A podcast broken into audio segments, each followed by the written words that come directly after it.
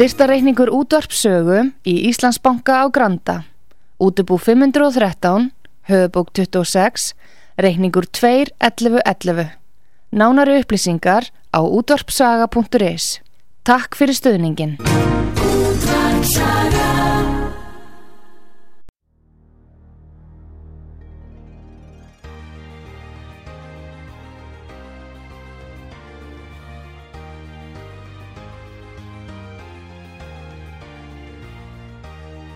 Heimsmálinn í umsjón Artrúðar Karlsdóttur.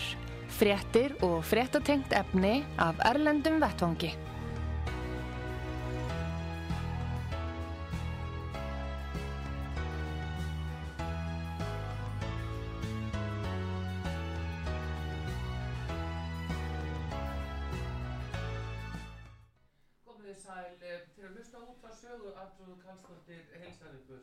Það eru heimsmáli sem er á dasgrá hérna núna og uh, það sem ég ætla að uh, fjalla um í þessum þætti hér á útarpi sögu það er, eru ellendu málin, heimsmálin eins og þau leggja sér núna. Það er margt að gera spæði í bandaríkjónum, hvað þá í Úkrænu, Rúslandi, hjá Európusambandinu og NATO.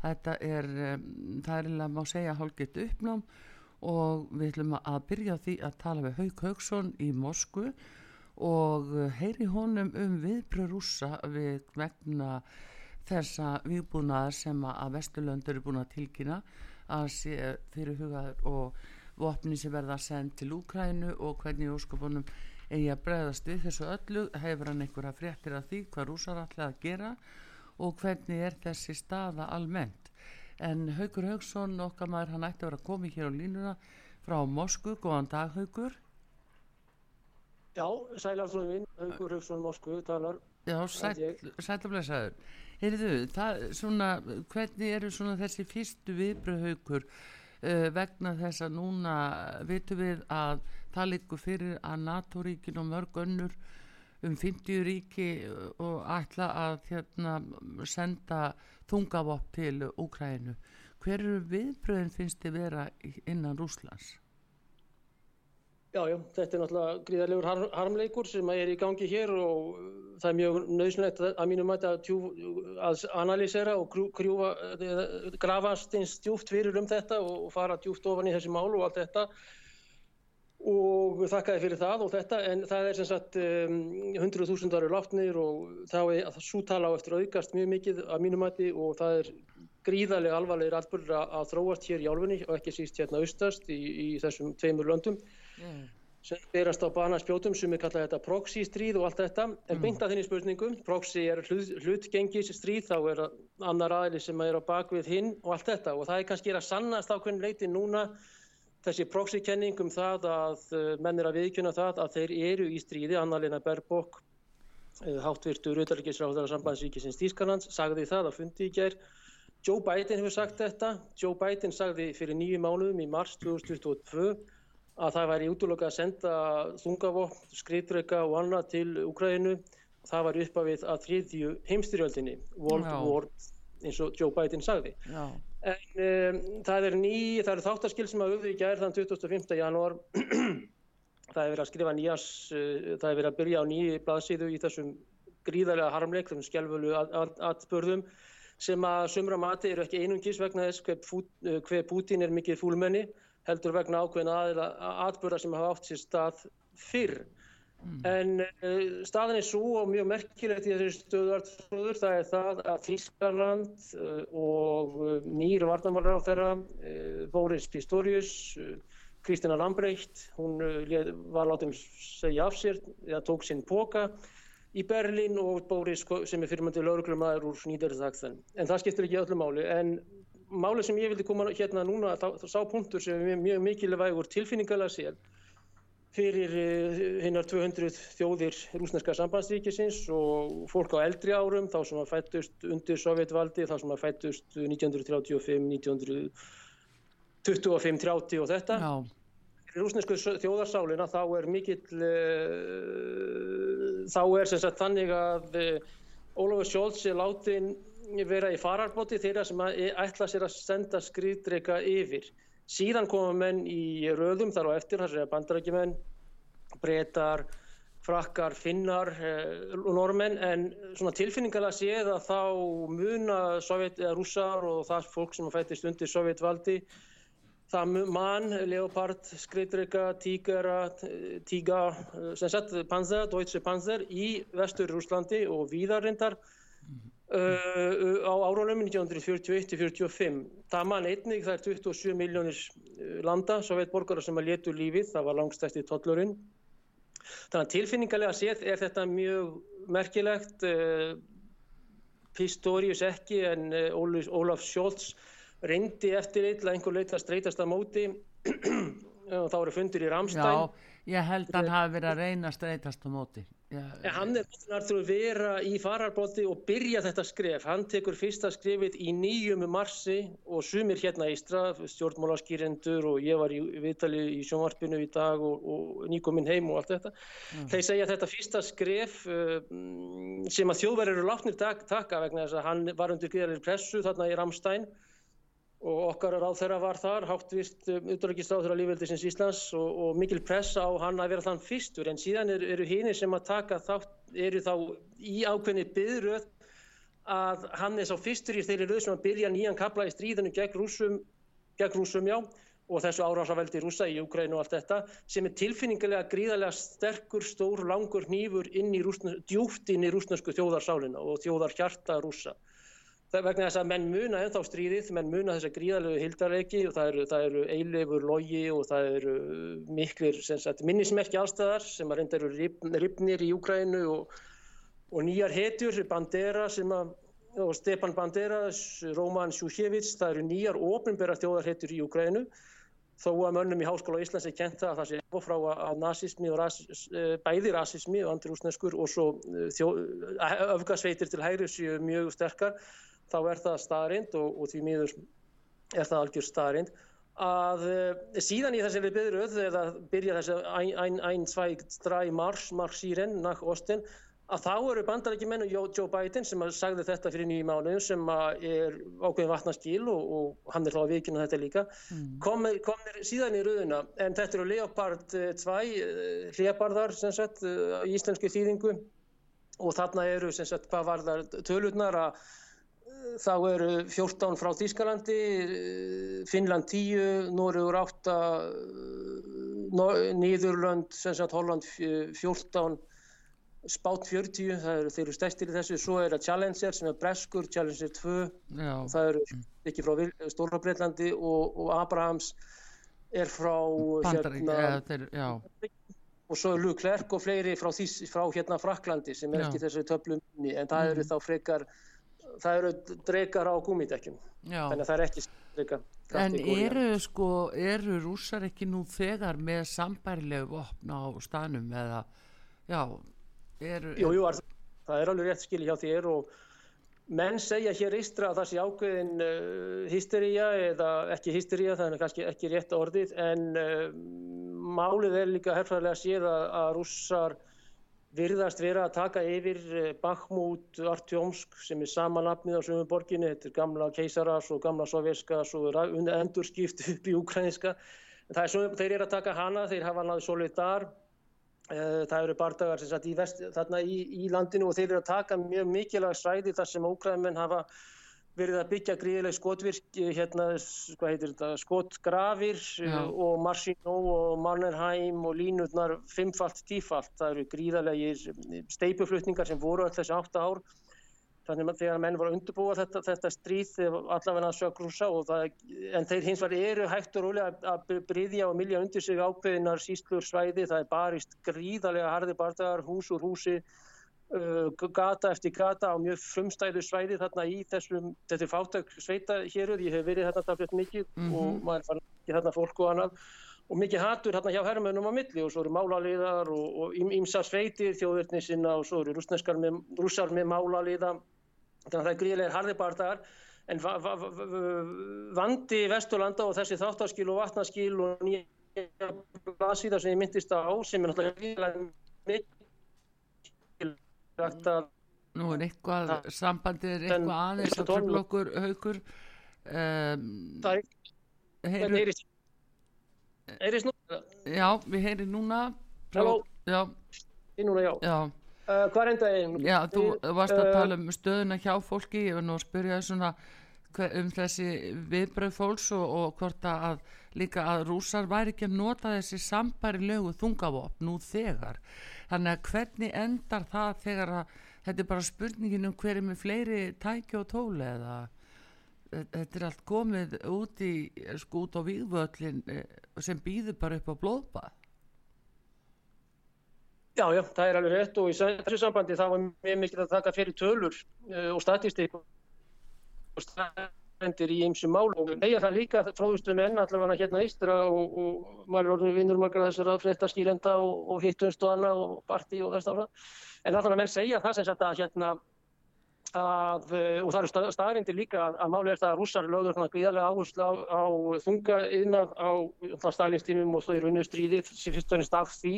Já gríðarlega fjölda skriðdreika. Það er að segja að þess að það ég vildi að hafa er það að vopnabúr Vesturlanda eh, eru að tæmast einhver leiti, að mjög miklu leiti, einhver leiti, ekki öllu að sjálfsögða, en einhver leiti og þau munu veikja sínar heimavarnir að miklu leiti, en í staðin kemur náttúrulega mjög, mjög uh, sterkar pandanir hjá bandaríska vopnaði innan þar fyrirtækunum og það væri hægt að telja hér upp mörg fyrirtæki. Já, en er þá... Það er það að fjöldi skrýtrika í heiminum er sem sagt rússar hafa 22.000 stykki, Kína 13 og bandarækinn 6.000 stykki. Ja. Bandarækinn er jafnmarga skrýtrika á Norður Kórea. Mm -hmm. síðan Sýrland, Indland, eh, Tyrkland, Ísrael, Suðukóri og Vietnam með 2-3.000 þannig að þessi skreitrikar frá við erum að tala um 14 stykki, 31 stykki og þetta eins og ég myndist að áðan að uh, menn uh, þetta er mjög mikið sálfræðilegt atriði eins og ég myndist á rúsnesku þjóðarsálinu áðan. Og að þetta gerir ekki æfumunin ekki síst að það er spurning hvernig þið komast á áfang, áfangastað og vývöldin sem er austur Núna þetta hljóði svolítið haugur uh, við skulum prófa aðeins ég vil að prófa að spyrja þið aðeins út í að uh, það var sendið herra Rúslands hann var í viðtalið e, út í bandaríkjónum sendi herra Rúslands í bandaríkjónum segi hann var í vittali og uh, þá segir hann að uh, þetta sé orði uopimbert stríð á milli NATO og bandaríkjana á móti Rúslandi þetta var sendi herra Rúslands í bandaríkjónum að segja núna fyrir, í fyrirnótt Þetta segir Antonov sem er eh, sendið herra Rúslands í bandarækjunum, eh, nýskipaður, hann er búin að vera alltaf rúmt áknanski og hann er her, her, úr herlobbyinu, her, úr herskólanum hérna og öllu þessu og, og var, var hérna, mikill genir átl og allt þetta. Þeir senda hans sem, sem diplomat til bandarækjuna. En þetta má náttúrulega bara vitna aftur í orða okkar áðan um það að, að eh, Berbok og Biden sjálfur og síðan kringum þá og það er það, haugur ég ætla aðtöða hérna, núna heyrist lítið að því sem þú ert að segja. Að uh, sambandsleysið er uh, halgjört, það er, er mjög laskað sambandið, það er spurning hvort við ættum að prófa að ringja aftur í þig og við veitum hvort við náum eitthvað betra Já. sambandið, það er spurningin Uh, en hérna að, að því að hérna ég hefði viljað spyrja þig svona nánar út í þetta og uh, við ætlum að prófa aftur að ringi því haugur uh, bara strax núna. Hverði í augnablíkinu en heyrumst eftir skamastund já, við erum að tala við Haug Haugsson frettamann í Rúslandi sambandi frekarofið og hann er að reyna að segja frá hvernig hann les í stöðuna hann er náttúrulega fréttamaður og fylgist mjög með eh, svona heimsmálum og, og, eh, og hvað ellendir fjölmjölar er að segja og þetta var sláandi þegar sendi herra Rúsland saði þetta í fyrir nótt út í bandaríkjónum að þetta væri í raun og veru orðið ofinberð stríð á milli NATO bandaríkjana á móti Rúslandi og um, það er nokkuð svona hvastil orða tekið þannig lagað en, en þetta lítur þannig út og er eins og haugur bara að segja að það væri proxy stríð einhver annara á bakvið það er náttúrulega er eitthvað sem er inn í umræðinu víða ellendis og, og hvað sem að um það segja en ég ætla að prófa að ná aftur sambandi við Haug Haugsson og sjá hvort að það gengur betur að eh, heyra hvað hann segir og hér er Pétur Gullusson og, og ég býði velkomin til Leiks Pétur mm -hmm. þegar við ætlum að fara á eftir í, band, í hérna ellendumálinn og ekki hvað síst í bandaríkjum og það sem þar er að gerast en það er slemt hljóð á köflum þegar ég tala við haug Það er svo langt síðan að uh, við höfum talað við haug Já, það er mjög langt síðan og, og frólægt að heyra sko, en núna öll þessi tungavop sem eru að berast til Úgrænu þau eru sambarleg við það sem rúsarnir eru nú þeirra sjálfur að nota. Þannig að þetta eru upp, þessi skriðdregar, þessir amerísku skriðdregar þeir hafa verið notaðir en þeir hafa bætt sko ástandera þeir eru miklu þróari þessi, og þetta eru öflugustu skriðdregar sem eru til og svo þessir tísku Já, en ég var að segja við haugust að þetta væri ekki bara algjört blópa sem við sæjum fram á. Það er bara meiri harka og þá er náttúrulega um, má rekna með markvælt meira mannfalli. En við skulum sjá hvort að haugur sé komin hérna inn og línuna. Pétur þú kemur inn í samtali. Hérna haugur við prófum aftur, sæl aftur. Er það Pétur Gullusson er komin hérna líka og við ætlum að reyna Sælaugur Já, við skulum prófa við skulum gera aðra tilraun. Út af það er svona þessi, þessi hugmyndum þetta proxy stríð og eftir því sem sendi herra Rúslands í bandaríkjónum segir þá sé þetta orðið ofinbært stríð á milli NATO bandaríkjana og uh, á móti Rúslandi þetta sé raunverulega bara þeir. Hvað er þetta það, almennt í fjölmjölum í Rúslandi til dæmis? Já, þetta hefur í rauninni verið hjá fréttaskynendum og þeim sem er að kafa tjúkt og nýta uh, kenningin í þessu þessu og uh, Nei, það er bara og, svo er Haugur Haugur, við eiginlega við, við heyrum þetta ekki þetta Halló við ætlum að prófa aðra leið eh, haugur að, þetta samband sem við erum í, við í núna það bara greinilega grein gengur ekki. Við ætlum að prófa aðra leið. Ég hveði aftur og við prófum aftur þetta er skamastund og hérna, já, það gengur illa að ná nettsambandi við Rúsland greinilega. Mm. og uh, ég nú eða bara reyfja það upp að það er líka búið að banna fjölmila og uh, Russian Today og svona fleiri miðla. Já, já. þannig að ég veit ekki hvernig fjarskiptarsambandi er háttað almennt. En, en, þa en það er náttúrulega ljóst að, að staða rúsa er mjög veik í raun og veru. Vegna þess að það eru 50 ríki sem hafa ákveðið að styðja okkur ekki bara þessi NATO ríki já. Þannig að, að alveg bursi við erum að ræða oft um, um málstæðin hvort að málstæðin sé slæmur eða góður og auðvitað náttúrulega svo eru sömu sem telja að rússarni beri engungu ábyrð á þessu öllu saman og við þekkjum þessu umræðu artrúður en það er alveg ljóst ef við lítum út á frá sko út á því hvaða ávinningur getur verið fyrir rússarna eftir þetta já. þá getur hann valla verið mikill.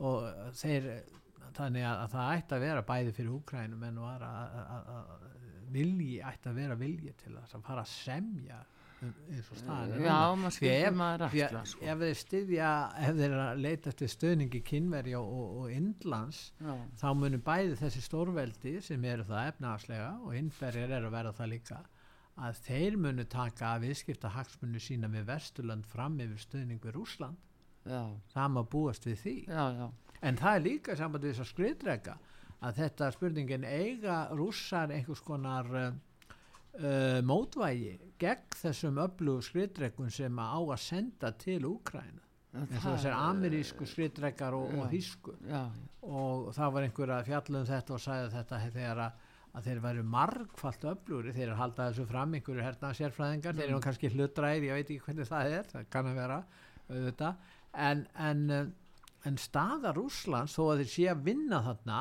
á hvern svæði í Donbass og kannski hafa náð einhverjum árangri og eru þarna með málalið og annað.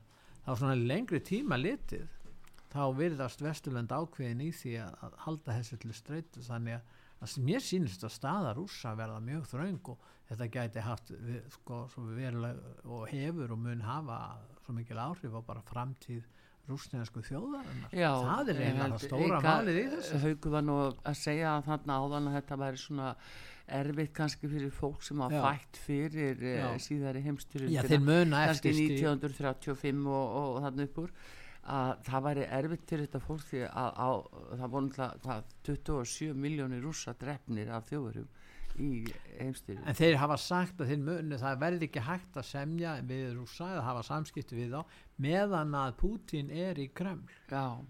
og ef þetta er þetta er að Jú, þetta er náttúrulega, þetta er nefnilega akkurat núna þetta, þetta er það sem er svona að tala um.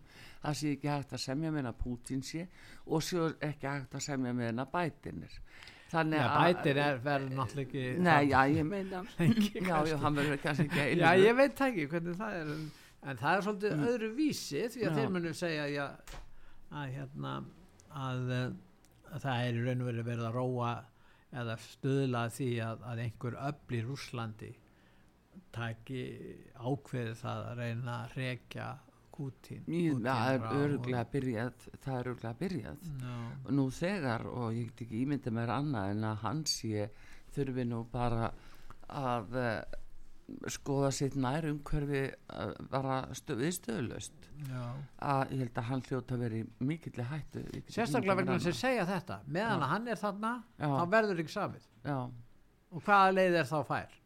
Bara frá helbriðis Alexander Dugin hann mm, dóttir hans er sprengt í loftu. Já. ég meina það var ljóst að það átt að drepa Alexander þannig að, að það er spurningin. Það er, það er ge, fyrst er gátt að gert. En það, það er nú þetta sem er en við skulum heyra aðeins freista þess að ná hauki aftur. Haukur við erum að gera hérna aðra tilrun hvað segir þú, heyrur þú þetta? Ég heyri þér, já, já, ég heyri þín. Já, heyrðu, þannig að það er ágætt, við vorum nú að, að ræða um þetta haugur svona í sambandi við stöður rúsa. Það er verið að tala um sko að það verði ekki sami meina að Pútín sé uh, við stjórnvölinn. Hvað segir um þetta? Heyrir þú þetta? Já, það er ekki neitt sem er að sjást í þá veru að menna ætla að sína skynsemi á gott vangin og, og, og setjast niður og semja og þá tala rússar og Putin og Lavrov um Minsk 1 og Minsk 2 samkómulæði sem að bæði Merkel og François Hollande hafa viðurkent að hafa verið já, platsamkómulæði já, platsamkómulæði, þau skrifin og reyndar undir þau plögg til þess að draga þetta á langin og gefa ágrænumannum og öðrum færi á að vopnast og, og komast sér upp vopnabúnaði Já. Þannig að það er ekki neitt að heyra á, á þeim í Kremli eða Moskú og annað að, að, og það er ekki heldur frá Vesturlöndum að heyra sem að menn vilji engin samningsviðræður eða vilji að, að heyra þannig að það er En haugur, gætu til dæmis rússar fallist á það að endur upptaka samkómulæð, minnsk samkómulæð því að sangan tíð þá er þið austur hlutin þarna sjálfstjórnar svæði en ekki hluti þá af Rúslandi eins og þessi svæði eru sanga skilgreiningu rússa. Þeir hafa innlimað þessi svæði. Heldur þú að reyðu, þeir væri reyðubúinir að, að sem, samþykja minnsk samgómulegð sem að þú bendir á að hafi kannski verið bara uh, sko sett á svið af hálfu Vesturlanda til þess að kaupa meiri tíma fyrir Úkrænum en til að byggja upp sinn herna, hvað segir þú um það? Já, þetta er alveg rétt af þér en ég tel það, já, það er erfitt og leðilegt að segja það, ég tel að okkur nýjum útilokkað að þeir séu tilbúinir að ganga aftur til slíkra samkoma. En væri það ekki samt bara besta leiðin út úr þessu? Var minnsk í raun og veru? Jú, jú, eftir því sem komið orð, orðið og, og þetta mannfall og þessi skjálfeliða harmlóktur er, er að halda áfram og þróast. Og þetta gæti haldið áfram í fimm ári viðbót, jáfnveg lengur, við vitum það ekki. Já, já, já, já, já. En það eru sumir sem segja það að rússar telja þetta munir hinja innanfrá og þeir hafi ákveðin eftirleik sem að verður auðvöldari eftir því sem að, sem, sem að tíminn líður og tíminn vinnur með rússum að margra mati hér held ég og líka hefur það verið sagt af bandariskum sérfræðingum að time works with Russia eða is on the Russian side Þannig að þessar vopnarsendingar núna og þessi, þessi skriðtryggar sem á að senda hérna og eru á leiðinni og, og koma kannski fyrir og síðar og einhverjir sumar og einhverjir voru og annað að það er hluti að því að leifa ekki og láta ekki rúsa ná þeirri sók sem að margt bendi til að þeir muni og geti eftir við hafið eftir að þeir hafa komist yfir gríðilega sterka varnarlínu ekki sér í Kramatorsk og Slavjansk og þessum Bakhmut, Artjómonsk og þessum fólkum sem ég var að nefna hérna áðan. Þannig að það er spurning með það en ég sé enga samningsvilja hvorki og ég spurði Lavrov af, af þessu og fleiri núna um daginn á fundi hans og annað Já. og uh, það var mjög mekkilega fundur hjá Lavrov og það er gríðilega hart hljóðið í afveli Lavrov sem er mjög fær og, og topp, uh, já, já. mjög elegant maður og diplomat og, og allt þetta og bara diplomatík uh, per excellence. Þannig að, og jáfnveg Lavrov segir imperialistar uh, neokolonialistar, uh, globalistar, uh, allt bara öll þessi vondu orð sem að voru hérna í Sovjet áróðurinnum og skrifuði í bröfdu og annað í, fyrir mörgum, mörgum árum að þau eru komin aftur í þetta leksikon. Leksikonið er í uh, ritoríkuna hjá eða sagt, í orðaforðan og orðanótkunina sem að eins og ég spurði lág og sjálfana þá var það fyrst og fremst Gennandi Sjúkanov og kommunistaflokkurinn sem hefur sagt þessi orði í öll 30 ári frá sem að hann er búin að vera formaður. Þannig að þeir eru mjög hardir og þeir segja það að Vesturlöndin séu svík og fals og, og, og að þeir ætla að fella dollaran og fella bandeliska heimsveldið að fótum sér og ætli þá að vera í samstyrfi við, við bríkstjóðirnar í því. Þannig að, þannig að það er, þetta er mjög hart stríð. Heimstílöldin þriðja er algjörlega í startólunum og ekki síst með því sem að gerði því gær í, í Berlín og þeim, þeim yfirlýsingum sem hafa komið þaðan og Brussel líka. Hvað finnst þér haugur um, um, um þennan fund íslenska fósittisráðherrans og, mm. og kanslara Þískalands. Hvað finnst þér um þetta? Ég bara voru lítið vita á því, getur. Já, en þetta var um, allavega kom kannski mörgum óvart að Íslendingar þeir væri að færa sér svona sínilega nærvíglunni eða fólk svona upplifur þetta þannig já, fólk er að upplifa þetta þannig þetta var svona daldi mikið auðlýst en uh, hérna það er hins vegar hvað sagði Lavrov við þig þegar þú varst að spurja mitt um íslenska hagsmunni þannig það, auðvitað, við erum auðvitað herrlaust þjóð og fólk er auðvitað að hugsa um það að, að rúsar muni hugsalega ráðast að Íslandi. Það er alveg umræðinni hér það var eitt sem að Jevgeni Satanovski heitir hann og hann sagði það í umræði þætti hér öðrum að, að uh, hann lagði það til, til maðurinn að eigin Íslandir er sprengt í loftu sem viðvörun fyrir uh, Stóra Breitland og svo fólk í Berlín og París líka Já Þannig að það, það er náttúrulega gríðarlega hart og þetta, hann er autoritet þessi kall og er, er vísinda, er þetta politík, politikus og, og politík stjórnmálafræðingur og þetta. Já. Þannig að Lavrov sagði það náttúrulega að, að um, Vesturlund uh, hefðu sjálf kosið þetta að uh, fara ekki í viðræður og, og fylgja eftir sínum samningum eins og Minsk 1 og Minsk 2 og, og þetta verið val Evrópu þjóða og þeirra Evrópu þjóða og þeir sem að hann sagði nokkur neginn sem að hanga aftan í Vosundunvaldinu og auðvitað með veistur hreyfinguna grænt frambúð og þá náttúrulega er það mjög merk eða kannski mjög tíma eða dæmigert ef að þeir eru með mikla hernaðar yfirlýsingar með berlinar með fólki sem að náttúrulega Íslandi langt hann í burtu og, og vinstriflokkur og grætflokkur og vinstri sósafískar og annað. En það er náttúrulega bara mjög dæmigert fyrir Íslandi í dag vafálust en, en eins og ég sagði þá sagði Lagróf það við mig og fleiri að, að, að og þetta er fyrir þessar yfirlýsingar sem að voru í gær þarna frá Þískalandi að rúsa myndi aldrei gefast upp, það myndi ekki gefast upp, það væri ekki fríðar vilji eh, frá Moskvu, orð uh, síðasta árs er uh, stríð, orð byrjunar þessa árs er enga samninga. Og orð vorsins er Viktoria, Viktori, Pabjeta, Sigur. Þetta segir Sergei Lavrov í votta og vittna viðust þar sem að þúsundir og miljónir kamera og, og hljóðupptöku tækja eru. En ef að, minnsk, ef að Minsk er ekki möguleiki til málamílunar og er ekki inn í dæminu og hérna nú þá er ekki annað en að þetta verði hérna, vopninu verði bara látin afgreiða þetta mál með einhverjum hætti. Og þá vaknar svo spurning e, trúa íbúar Rúslands því eða því, því að verið líst yfir að hugsanlega kæmi til þess að rússar þýrt að verja sig með kjarnorkuvopnum. Hefur ykkur umræði að fara fram um það í raun og veru í Rúsland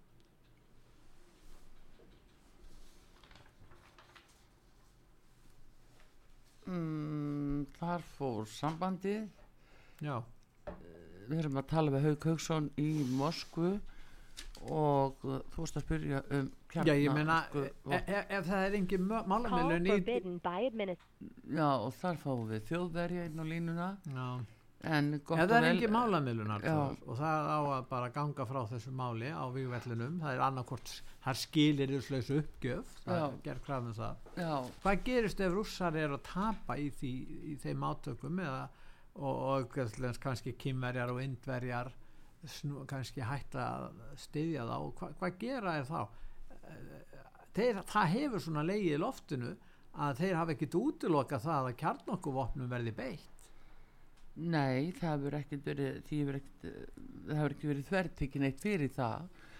Og uh, það er alltaf það undir nýri sem fólk er að óttast og það vil ég kannski ekki tala um en fólk er auðvitað að óttast það. Og alveg svo ég var nú að spurja högkinn á þann við eins og Íslandingar þessi litla eiga hér út í, miðju Allandshaf en samt gríðarlega mikilvægt landsvæði og landfræðileg lega okkar gerur okkur ofsalega verðmætt í þessu tilitöðlu mitt á milli bandaríkjana og Európu það gefur auða leið.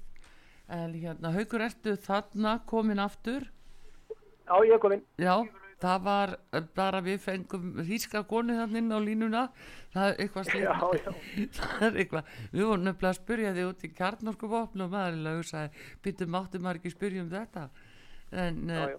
nei, það er þessi ótti við að menn grípi til slíkra úræða í einhverju örvætingu Já, þeir hafa verið að mjög miklar vöðvasýningar og Admiral Garskov er, er eitt þeirra fullkomasta herskip sem að fór úr uh, Ballarhafið og yfir í Noregsaf og, og er komið fram hjá Ísland og er á leiðinni uh, í Midjararhaf, aðdána þeir á leið til Indlandshafs þar sem eru sameinlegar flótæfingar, rússa, kynverja, indverja og suður Afrikumanna. Það eru bríkstjóðurnar án Brasilíu og allt þetta. Já og þar eru gríðilega til konflögar sem að sem að eru gríðilega sterkar og þeir hafa verið að æfa þessa flögar og uh, kjarnokku, þeir hafa verið að æfa kjarnokku skot. Og uh, virðast vera tilbúinir til þess að beita þeim á borgir Vestur-Európu og Norður-Ameríku. Nú er það eiginar þar á milli og, og ef að þessi Satanovski ef einhver vil, eh, hlustar á hann og hann er mikið autoritet sákatt mm. En, uh, og þetta er, þetta er gaman laust og uh, þannig að þeir eru, eru að æfa þessar flögar og uh, það er mjög svart og dökk ský sem að er að draga á, á, á, á heiminn sem sagt í þessum skjálfurlegu atbörðum sem að sumir telja hafa hafist fyrir 8 árum, sumir fyrir 30 árum. Og þetta sumir segja þetta sé það að, að Vesturlund hafi telja sig og tel, tel, töldu og telja sig hafa unnið kaldastríðið og geti með þeim hætti rústað algjörlega ógnarjafvæginu en ógnarjafvægi er íslenskt orð sem var mjög mikið notað hér fyrir 30 árum. Ég man það að Gunnar Gunnarsson og Albert Jónsson og fleiri mjög góði menn notuð þetta orð mikið í rúf og annar staðar og, og, og fleiri í, háskóla og annað en þetta er orð sem er algjörlega klingt í, í íslenski orðabók bók, fjölmjölamanna og vísindamanna. No. En ógnarjafvægi þetta hefur, þetta er engin rúsneskur áraður hjá mér, það, það bara er það að þær komnar herstöðvar alveg upp að túngarðinum og túnfætinum en, en NATO vildi ekki tala við Lavrov og ég hitti Lavrov, við erum búin að hitta hann marg oft og þetta og, og þegar við töluðum saman aðsóður í uh, áður um þessi skjelving og hörmung og, og heimstyrjöld sem sött eftir þetta byrjaði Já. að þá voru bæði hann og Putin alltaf að segja það við þurfum að setjast niður og tala saman þetta reynda kom aldrei í, í, í meginstömst og heimspressunni og íslenskuru pressu þar sem miklu sérfræðingar sitja en, Nei, en, þetta... En, en þetta er skjálfilegast ástand sem er að gerast og ógnarjafvæði er aktuelt orða mínum að já. Þá, já. já, þetta er eitt af því sem við töluðum um í raunverulega haugur e, tveimum mánuðum áður en að innrásin hóst þá vorum, eða varst þú með fréttum það að það væri borgarastyrjöld í Úkrænu, í Östulutunum og það yrði uh, sko, það Láru var að skrifa bref til utrækisáþara innan NATO allavega og byggja á að hjálpa koma til uh, og hjálpa en það var engin svör. Þetta kom ekki í íslensku fjölmjölunum mér vittalega, ég sá það ekki.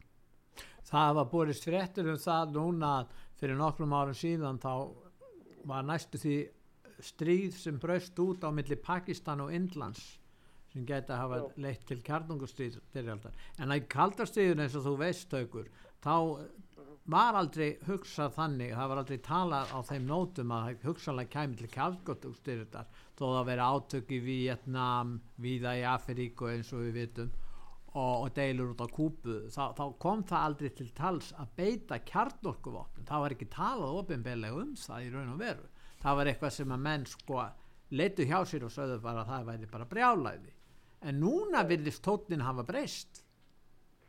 Það er alveg rétt og það er skjálfilegt ástand í, í þeim málum vegna þess að það, þá töluðum enn saman og Dobrynin sem að sendi hérna í, í Washington hann fór í kaffi í Rósagarðin á sömrin og, og, og, og Oval Office og annað til hérna, John F. Kennedy. Já. en núna er engar viðræður og hérna Blinken hefur engan viðræður að tala við Lavrov. Var, Lavrov því miður sem er ekki heldur núna á síðustu og vestu áhuga átti að tala við Blinken Þannig að það er engir, engir, engir sem að vill eh, ræða málinn og þetta kaldastrið sem að vestrið vann, já, Sovjetíkinn voru lög nýður. Já. Ég sagði það í beitni í mm. þessi 30 áru og allt þetta. Og, eh, og hérna, e, og það vildi enginn síðan ræða endan okkur kaldastrið. Hjalta 2 eða Potsdam 3 eða eitthvað svoleiðis eða Teheran 2. Þannig að það var nokkuð sem að rúsarnir fóru fram á og kröfðust, þegar það var ekki farið fram á það, það var dímand, það var krafist. Og það var fyrir skotla eirum þannig að þetta, þetta kaldast við sem við upplifum allt frá já, setna stríði, svo er fatt Sovjetíkina og þá uh, vinst það, það var, þetta, þetta var það, á þessum voga skálum og það dættur einu upp og hinn niður og Sovjetíkina lög niður.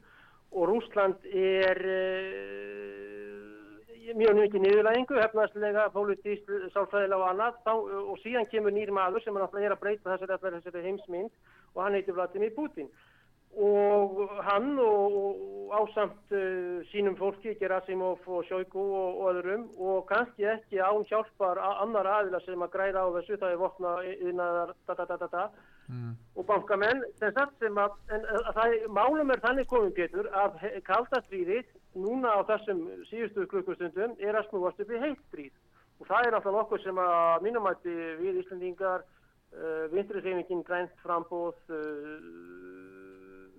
alþingismenn 63 og allir þessir þurfa að, að vera svolítið klókir og skinsamir í því að eina uh, út úr þessu er dialóg, er samtal að setjast niður og ræða málinn og koma fólki að, að uh, spila borðinu og, og ekki sjómann uh, þá er það skára heldur um kjartninguflögar uppi. Að, eh, en það, það er rættir því miður eru ekki, ekki hjá um, eh, sólsjálfið og grætískum leitugum Þískalands, Íslands og öðrum, öðrum ríkjum en, en auðvitað er það vegna þess að rúsari eru þeir, þeir mun ekkert fara til það, ég bara sagt það beint út að þeir, þeir er ekkert komnir að til þess að tapa þessu stríði en, þeir en bara, það, það kemur ekkert til mála að fara tilbaka hjá þeim ég bara get fullur þetta nokkur neginn eftir samstjólum Já, en, en, en það er, er aðtöklusvert að á sínum tíma Já. eftir fallsofitríkjana þá hafi Vesturlönd litið svo á að þau verið svo vannbúin og vannmáttugt ríki uh, Rúsland eftir þetta að þeir þýtti ekki að taka tillit til þeirra. Og, og það, skilur en það er líka annað í þessu því að það eru jú friðarhefingar við um, um heim, við Íslitingar höfum vilja segja, við viljum vera herrlaust land, við viljum berjast fyrir því að, að vopnin verði ekki látin tala, en hvað þýðir þetta? Það að rússatni voru svona veikburða var notað gegn þeim þannig að, að stuðningur við það að vinna gegn auknum herbúnaði og meiri meiri frið hefur orðið fyrir miklu nekki þessi stefna í raun og veru. Fríðar stefna, það er ekki bara að það er stríð þarna í miður Evrópu heldur hefur fríðar stefna sem slík orðið fyrir gífulegu áfall Já, já það er alveg rétt, það er alveg rétt og þeir segja það sem er hér að, að það hafi átt að stefna, stefna Vesturlanda og elitu Vesturlanda og með nýjasta globalisman og transnational corporations, þessi gríðilega stórfyrirtæki og, og global fyrirtæki. Það hafi verið að leggja Rúsland aðfóðum sér og uh, þá eru menn að benda á að menn vildu aldrei tala við Putin og Lavrov í þessum beðinum þeirra um að öryggishagsmunni þeirra í Európu og þetta ógnarjafnvægi sem er orð sem það ætti að nota oftar yrði vilt og væri einhver balans á vóastólunum vegna þess að það er algjörlega ekkert jafnvægi á þessum vóastólum hvað var það útgjöld, hvað var það 30, 32, 30 ennþá NATO-ríki gegnir Úslandi einu. Þannig að það er nokkuð sem að menn vildu setja sniður með alvarlegum hætti í Genf eða að sjálfsög ekki Reykjavík eins og málum er þar háttað á bestastöðum og stjórnaræðinu til þess að ræða þau mál en, en því mýður var alltaf gengið í það þá ákaflega nöðsulu aðgerð ákaflega nöðsulu aðgerð sem mm. eftir þetta er en, enda með miklum ósköpum fyrir mannkina Putin er... segir sjálfur, hann segir þeir drepast en við fyrir til himna, þeir fara til heljar en við himna, þannig að hann er bara eins og Shahid, hann er eins og hérna maður sem þessir Shahidar sem hafa verið sem segja að fara til himna og öskura Allah Akbar eftir að þeir hafa fram með ákveðnar aðgerð þannig að Já, stemningin hérna er alveg skjálfuleg uh, og, og nöðsininn á samtali líka er alveg er algjörlega. Já. en þá á sama tíma verist þetta bara sko færast enn meiri harka í leikin og þú segir það að með öllum tiltækum ráðum þá allir úsar ekki að fara tilbaka þeir muni bara gefa í ef eitthvað er sko Artrúður rúsar eiga 22.000 skriðdrygga, þeir eru lang fremstir í öllum heiminu og þetta er sovjersk hefð og, og þetta er einnig sem velgjart nýstir hérna í Kursk og allstað þarna. Já. og velahernaður er alls, alls enga veginn út, út, út hérna, útgengin eða er, það er mjög aktuelt að um er sjálf að velahernaður og panser og skriðdryggar væri eitthvað sem að væri úræft já en svo er ekki en þegar við erum að tala um 22.000 skriðdryggar, svo erum við að tala um 14 frá, frá Þískalandi og, og einhverja tíu frá Noregi og svona Hollandi og aðan þá náttúrulega er það nokkur sem hefur ekkert sjend í 22.000 uh, stykja töluna. Þannig að e, og líka stemningin bæði í þjóðfélaginu því miður mikill þetta er já en, en það er mjög gott að það sé hægt að tala um þetta og þetta komið svo framfæri og sá snefill af, af tjáningar og, og skoðanar og tjáningafrelsi er náttúrulega, þú heldur því upp í afturöfum og allt þetta. Á Íslandi, það er mikilvægt að menn talið saman En það er enginn sem ætlar að fara að bakka hér í Moskvu. Það er alveg klart mál hvað varðar stemningu stjórnvalda, stemningu eins færasta og öflugasta diplomats eins sem er Sergei Viktorovits Lavrov og svo hjá Putin líka mm. og svo frí mýður arðuður sjá tjóðinni. Það, menn ríkja þessu rosalega mikið við setni heimstyrjöld og ríkisáróðurinn gengur að mjög miklu leiti út á það. Þannig að því miður að þá hérna, er döði á djöfull í, í kortunum. Já, ég, ég heyri það en hérna er það almennt sko, það sem okkur er sagt er að það séu svo mikil mótmæli í Rúslandi út af þessu, út af stríðinu hvað er sagt í þessu? Þau hafi ekki verið núna í marga mánuði og, og síðan er það bara lauruglumenn sem eru mættir á nokkur rútum og taka það fólku upp í rútu og eitthvað, eitthvað protokól og krakkarnir fá strax að fara heim og einhver, ég man ekki hvað, það eru hvort það eru tíu tíma sem áhalda manneskunni og, en, en, en það er enginn korti á néttunum en annar staðar og svo er náttúrulega mikið rýtskoðun í Rúslandi líka. Það má ekki horfa fram hjá því. En stemningin eins og hvað var þetta þá voru hann miklu meiri þjóðurnis eða lengra til hægri eða hvernig sem að orða það þá voru hann orðin mun hardari hjá almenningi og fólki því meira sem það kannski kynnist þessu annað því miður. Og, og það er mikið blóðbræði í loftinu hérna og, og, og hatur á milli fólks og þjóðan þannig að mm fríðar og, og, og mótmæli eru, eru engin sagt, og þau myndi þá vera í Moskvu hérna nýra á Rauðatorki og annar staðar en, en því, já, því miður og allt þetta er ekki að hilsa Nei, þannig að það er, það er raun, raun að vera von á öllu en, en eh, er, hefur þú séð einhverja fréttir af því hvernig að reikna með að, að þessi nýju uh, vopp sem Úkrænum er að fá að hérna hvernig þeir fara að beita því hvernig verða nægilega þjálfaðir til að þeim þeim verið beitt? Við erum tala um Lugklerk frá, frá hérna, það er Lugklerkin er, er franskir, svo er að Leopardin, svo er að Challengerinn sem er Breskur og Abrahamsinn. Þetta er allt mismundi græjur og, og hérna, viðgerðartól og jáfnveil skrúustærðin er í tómum og centimetrum, ekki hvaða hvaða millimetrum eins og hjá okkur náttúrulega og, og rúsunum. Þannig að það þarf að fara með og aðalegti Póland til að gera við þá kannski í besta falli. Þannig að síðan þarf að kenna fólki ábæði skipturnar, mennin í törnunum og stýrimannin og svo skipturna og, og hérna eh, velstjóra. Þetta, þetta þarf að kenna, þetta er mismunandi eins og segja aftur skóli í þessu og, og kennslubækur og, og tungumál.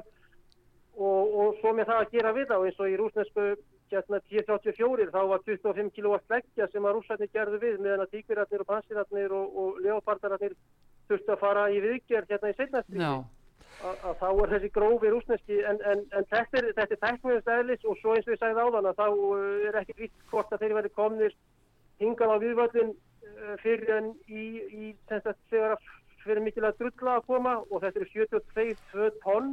Uh, þannig að brítnar og svo drullan og annað sem að rúsarnir eru byggðir fyrir þessar aðstöðu þannig að þessi grófi rúsneski sem sagt eins og AK-47 sem er í frosti, drullu, snjó, vatni hann skýtur og skýtur ef þú byrjar saman við M16 og fleiri. Já. Þannig að þetta er faktor sem að Vesturland er að gleyma miklu leiti en þetta er, þetta er, mikið, þetta er mjög mikið sálfræðilegt stríð þessi nýja tíða sem að byrja í gæðir 25. janúar að senda styrtrika hingað austur. Já, við, en þessu praktíst það verður er stór spurning en sálfræðin er, er alveg sálega. Mm -hmm. Já, en haugur, ég held að sko við erum vel að bú með tíman okkar núna en hérna það er nú ímest aðrið sem að mér langar að ræða við þið en við bara gerum það í eh, öðrum þætti og heyrust aftur því að við ætlum að reyna að fylgjast með já, eins mörgum hliðum í svo hægt er. Allavega bara við viljum þakka þið kellaða fyrir þetta og þakka þið fyrir högur og vonum að, að þér reyði allavega vel af í þessum óskupum öllum og þér og þínum en hérna og bara góða hvæður til þín aukur Haugsson, frettamæður í Moskvu, bestu þakkir. Já, við þökkum honum Hauki kjallaða fyrir þetta og hann er mm. náttúrulega búsettu þarna Já. og búin að vera yfir 30 ár og Já. á sína fjölskyldu mm. og þetta hlýtur að vera mjög erfitt að vera við þessar aðstæður. Haugur er ekki rétt skoða? Mm, nei, við skulum allavega vona ekki. Hann er það ekki. Nei en uh, hérna en hann var að tala um það að vera í riðskoðin í Úslandi já. já, en við ætlum að fá auðlýsingar hérna núna á útvarpi sögu, við komum aftur og síðan og eftir þá hérna fáum við til okkar Sigur Daví Gullarsson formann miðflóksins fjöri heldur áfram hér á útvarpi sögu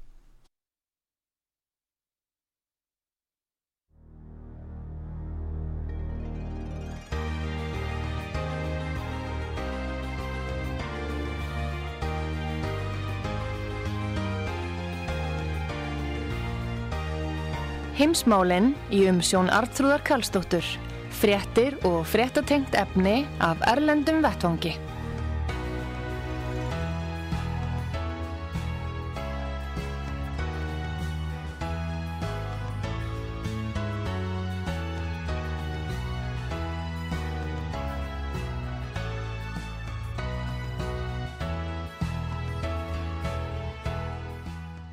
Komið þér sæl aftur þegar að hlusta út af sögu Artrúðu Kallstóttir og Pétur Gullursson við vorum að tala við Haug Haugsson okkar mann í Moskvu núna áðan og heyra hvað eh, hann hefur okkur að segja í sambandi við eh, stöðuna í stríðinu og nú er það aukin výbúnaði frá Vesturlöndum. Og hann segir okkur það að rúsa mun ekki gefa neitt eftir þetta vekkit upp á sig. Að rúsa grípi til hvaða ráða sem er. þeir myndu ekki fallast á Minsk nei, nei. þannig að, að þessi hér og því Donbass verða bara áfram hluti af Rúslandi og innleima þessi hér og því Rúslandi já en nú er það að, að, einmitt ætlunaverki þjá Vestlundum að, að Úkræna með þessu nái að endurheimta Krímskagan og Östulhutan þá lítar rúsarnir á að þessi ráðist á þeirra yfir á svæði á Rúsland Eflust. og þar með er þeir konir í stríðu við Rúsland já þetta ber alltaf sama brunni Pétur maður sér það að þetta er bara harka á báða bóa og Það staða eins og hann tala með Rúsland vegna þess í bandaríkjanum tölum um stöðuna þar, þar er það er engin ágreiningur raun og veru um stefnuna gagvart uh, rú, rússonum í bandaríkjanum mm, mm. bæði demokraterna alltaf allir og, og flesti republikanar eru inn á þessari línu nema einstaka einn, það er einhverjur frettamenn eða einhverjur hópar þarna, þeir eru ekki öflugir í raun og veru ekki mjög að vísu er nokkuð stór hópur á almenning sem vill bara ekki að bandaríkinn séu með neina afskipti uh -huh. en hann ræður í raun og veru mjög litlu þannig að það er ekkert sem betur til þess að bandaríkjaman skiptum skoðun eða komi mm. að einhverjum skonar tillögum um, um, um, sem gætu leitt til friðar eða væri þar ótækar og reynd þeir eru þetta geta haft áhrif á stjórn Úkrænu án bandarískvar aðstóðar þá myndi Úkræna falla já, já, já.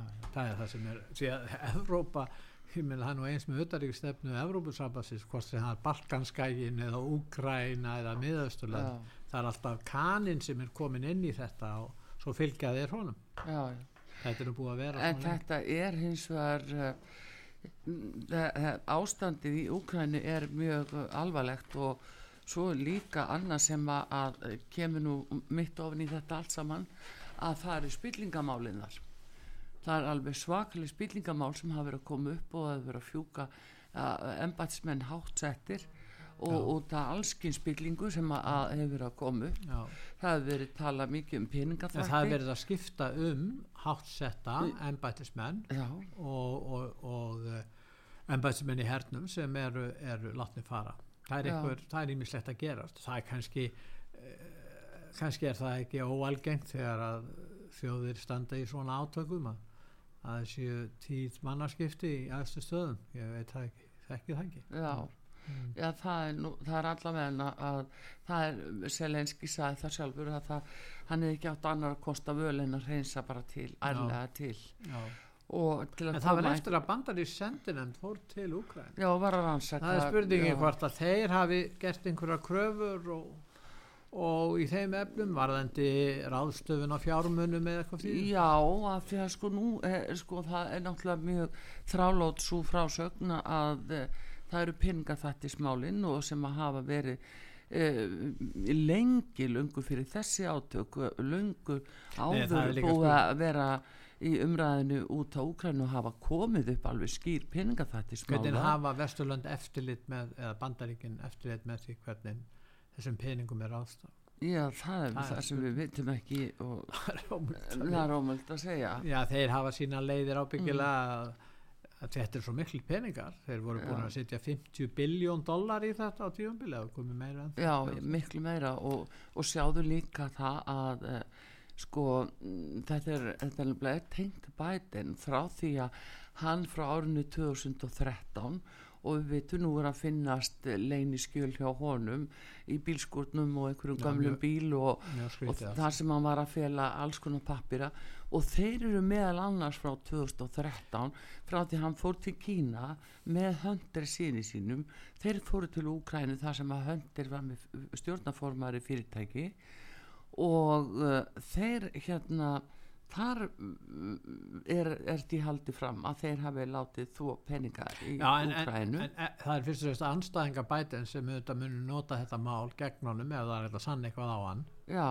en uh, það mun ekki breyta afstöðu bandaríkjana út af þessu stríði í Úkrænu mm. jável þótt að svo spilling að spilling kæmi ljós um að einhverjur bandaríkjaman sjálfur hefðu átt einhvern þátt í einhvers konar uh, Já, afskiptum óeðilegum og kannski röngum innanlandsafskiptum og það er ekkert ólíklegt að gerðist á árið 2013 og 2014 að uh, þá höfðu, höfðu bandaríkja menn afskipti af innanríkismálum, það er eiginlega líka fyrir, það er til uh, upplýsingar var, um, um, um yfirlýsingar frá sendiherra bandaríkjan á þessum tíma. Já, já, og, og, og valdaráni sem var í Úkræn Já, sem var í raun og verið þannig sko. mm. þannig að það er, en það breyti því ekki að, að Vesturlönd og þá er það tala um NATO-ríkin og þetta eru samtalt 50 ríki það er líka nokkur ríki í Asi og, og Eyjálfu og annar staðar sem mm. að standa með Vesturlandum mm. eða, og, og þetta eru það mörg ríki að, og það er bara spurningum hvenar eh, þessi ríki eh, segja við kínverjana mm. allir því að styðja rúsan áfram og hérna kínverjarnir verða þá kannski að velja á milli þess að hafa góðan aðgang að vestrænu mörkuðum að vísu eða þá að stiðja rúsana mm. en, en rúsneska hagkerfið er tiltölulega sko vannmáttugt en þeir selja þeim náttúrulega ólju með afslætti Já. þannig að hagsmunni kynverja er að fá ólju með afslætti kynverja verður að flytja inn orkuna og matvælið það þurfa rússandir hins vegar ekki að gera Já. að þessu liti standa rússandir vel og kanin þarf alls ekki að gera það þannig að kanin stendur mjög vel að þessu leiti en ja. kynverðarnir í þessari veikustöðu að mikilvægast af öllu eru matvælin og orkan Já, og þeir verða að flytjast mikið af þessin og hvort þeir meti afsláttu sem þeir fá á ólíunni það mikils að þeir vilji setja stefni í hættu samskiptu sínum við annar ríki. Það finnst mér ólegt og indverja munu ábyggileg ekki gera það. Með mikinn hagvöxt gífuleg viðskipti við Vesturland Já. og umsvið indverja hafa aukist verulega í Bretland og Bandaríkjunum og þessari engin sarsnömsku landum mm. og það er mjög ólíklegt að þeir muni reyna að styðja rússana og telja það að verði nú ekki til hagspóta fyrir þá. Að staða rússana er mjög slæm. Og það er kannski það sem er hún er orðin það slæm að, að menn rússarnir eru farnir að líta svo á að það séu bara allir á móti. Já og þá, það er líka hættur það er hættur. Vegna þess að þá hafa það enga að tapa. Nei. og þá gera ég ekki hvað sem er, er svo, svona... mér veist það vera kannski svolítið tónin mér veist það óþægilegt. Það er, það, það, er, það er að deyja fyrir blæðandi föðuland Já, Já.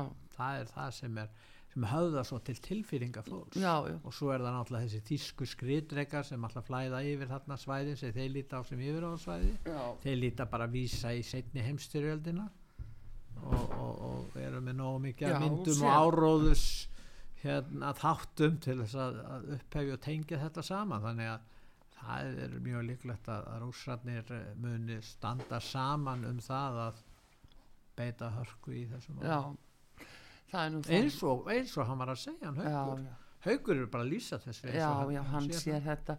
Og, og og hann er uh, mikil tengst og við dugluður að afla upplýsinga og hérna sér hvernig þetta lítur út og þetta bara, þetta lítur svo nút að þriðja heimstöldin er í sjónmáli með þetta. En uh, mikil ábyrg okkar allra bæði fjölmila og hvað þá stjórnmálamanna og ráðamanna uh, og, og, ráð þeirra þannig að hérna við skulum núna segja þetta gott í heimsmálunum að þessu sinni Pétur. En hér skamastund eh, þá skulum við tala við Sigmund Daví Gullusson formann miðflokksins og hann kemur hér eftir skamastund en eh, við ætlum nú að fá að heyra eitt lag. Það er Rústnest, það er Alla Pukasjóa og hún syngur einmitt um Million Roses eða Million Roses og hérna það er kannski svolítið tákrand þeir eru alltaf ykkur í blóma hafi allir þessir. En við þakkum fyrir Artrúður og Pétur og hér og eftir Sigmundur Davík Gullusson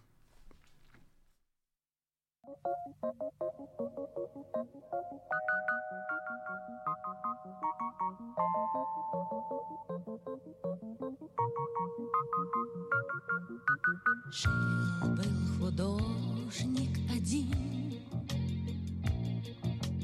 Домик имел и холсты, Но он актрису любил, Ту, что любила цветы. Он тогда продал свой дом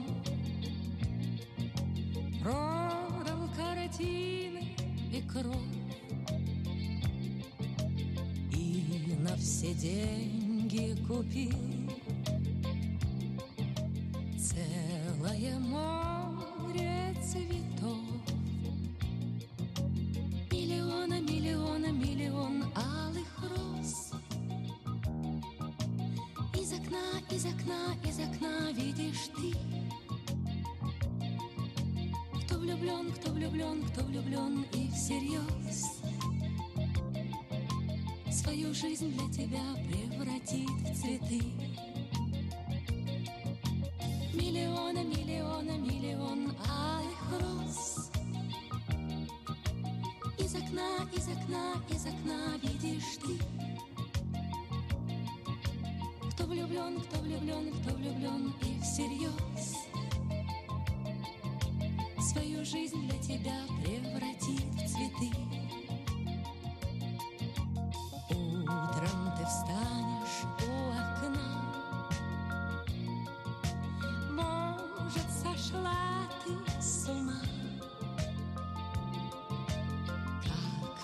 Как продолжение сна. Площадь цветами холодеет душа. Что за богач здесь чудит,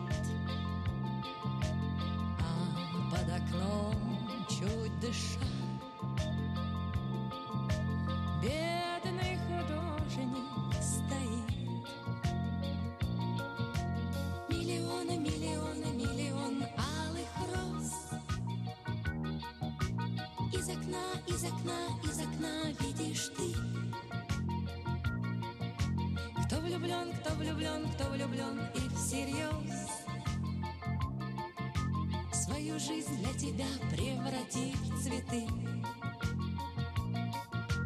Миллионы, миллионы, миллион алых роз. Из окна, из окна, из окна видишь ты. Кто влюблен, кто влюблен, кто влюблен и всерьез. Свою жизнь для тебя превратив в цветы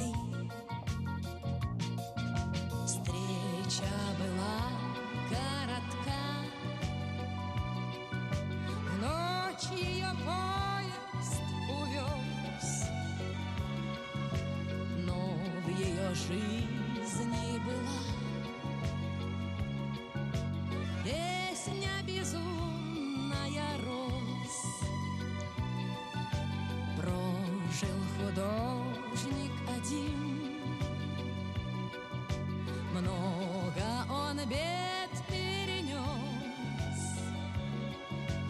Но в его жизни была Целая площадь цветов. Миллион, миллион, миллион алых роз. Из окна, из окна, из окна видишь ты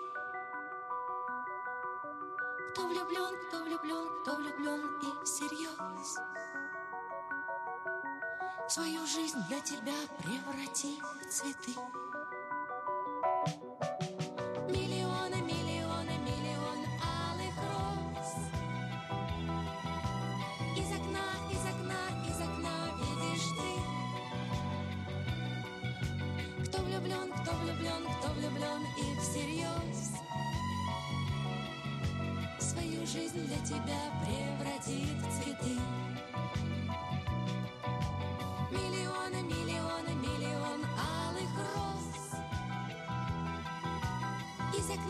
из окна, из окна видишь ты.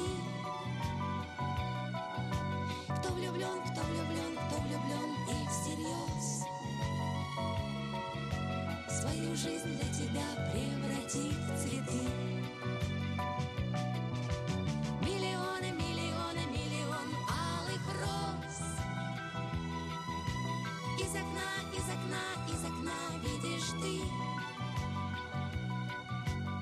влюблен, кто влюблен,